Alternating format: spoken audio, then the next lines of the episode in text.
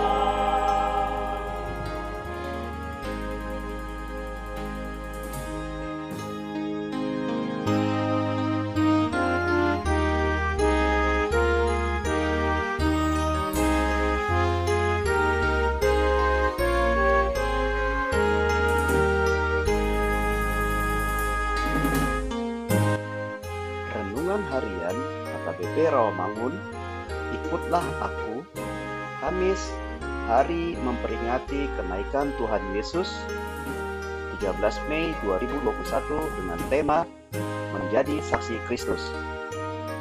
Epistel kita pada hari ini diambil dari Efesus pasal 1 ayat 15 sampai 23 dan evangelium atau bahan khotbah kita pada hari ini diambil dari Injil Lukas pasal 24 ayat 44 sampai 53 yang berbunyi ia berkata kepada mereka inilah perkataanku yang telah kukatakan kepadamu ketika aku masih bersama-sama dengan kamu yakni bahwa harus digenapi semua yang ada tertulis tentang aku dalam kitab Taurat Musa dan kitab nabi-nabi dan kitab Mazmur Lalu ia membuka pikiran mereka sehingga mereka mengerti kitab suci.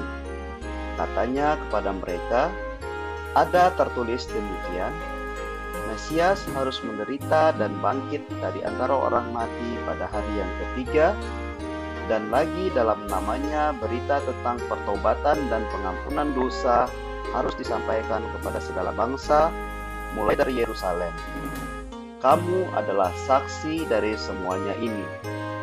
Dan aku akan mengirim kepadamu apa yang dijanjikan Bapakku. Tetapi kamu harus tinggal di dalam kota ini sampai kami diperlengkapi dengan kekuasaan dari tempat tinggi. Lalu Yesus membawa mereka keluar kota sampai dekat Betania.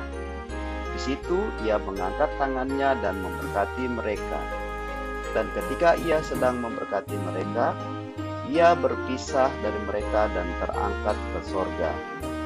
Mereka sujud menyembah kepadanya, lalu mereka pulang ke Yerusalem dengan sangat bersuka cita.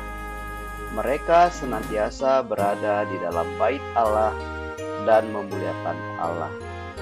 Demikian firman Tuhan. Peristiwa 2000 tahun yang lalu mengenai kenaikan Tuhan Yesus ke sorga akan menjadi dongeng dan isapan jempol semata bagi kita jika tidak ada murid-muridnya yang menyaksikannya.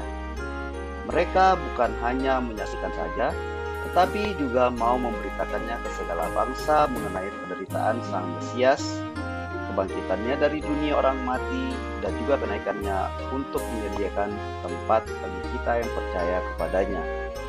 Itu semua berpengaruh dan merubah hidup murid-murid. Menjadi saksi Kristus haruslah berani bangkit dari kesalahan yang kita lakukan, yaitu keberdosaan kita.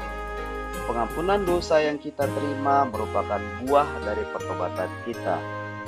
Ini merupakan bukti dari bekerjanya Roh Kudus dan rasa syukur serta sukacita yang sangat yang lahir dari dalam diri kita akibat kasih Tuhan. Kesaksian murid-murid tidak akan diterima oleh orang banyak jika mereka tidak merubah kehidupan mereka seturut dengan yang dikehendaki Tuhan. Bagaimana dengan kita? Apakah hidup kita saat ini sudah berubah dan hanya tertuju kepada Allah ataukah diri kita terkadang melawan arah, bahkan menjauh dari Allah? Apakah kita sudah berani untuk menjadi saksi Kristus dan mewartakan kebenaran yang sebagaimana harus diwartakan, ataukah kita menundanya? Marilah kita berdoa. Tuhan, berilah kami kekuatan untuk bertobat dan merubah hidup kami seturut kehendak-Mu, sehingga kami bisa Engkau pakai menjadi saksimu. Amin.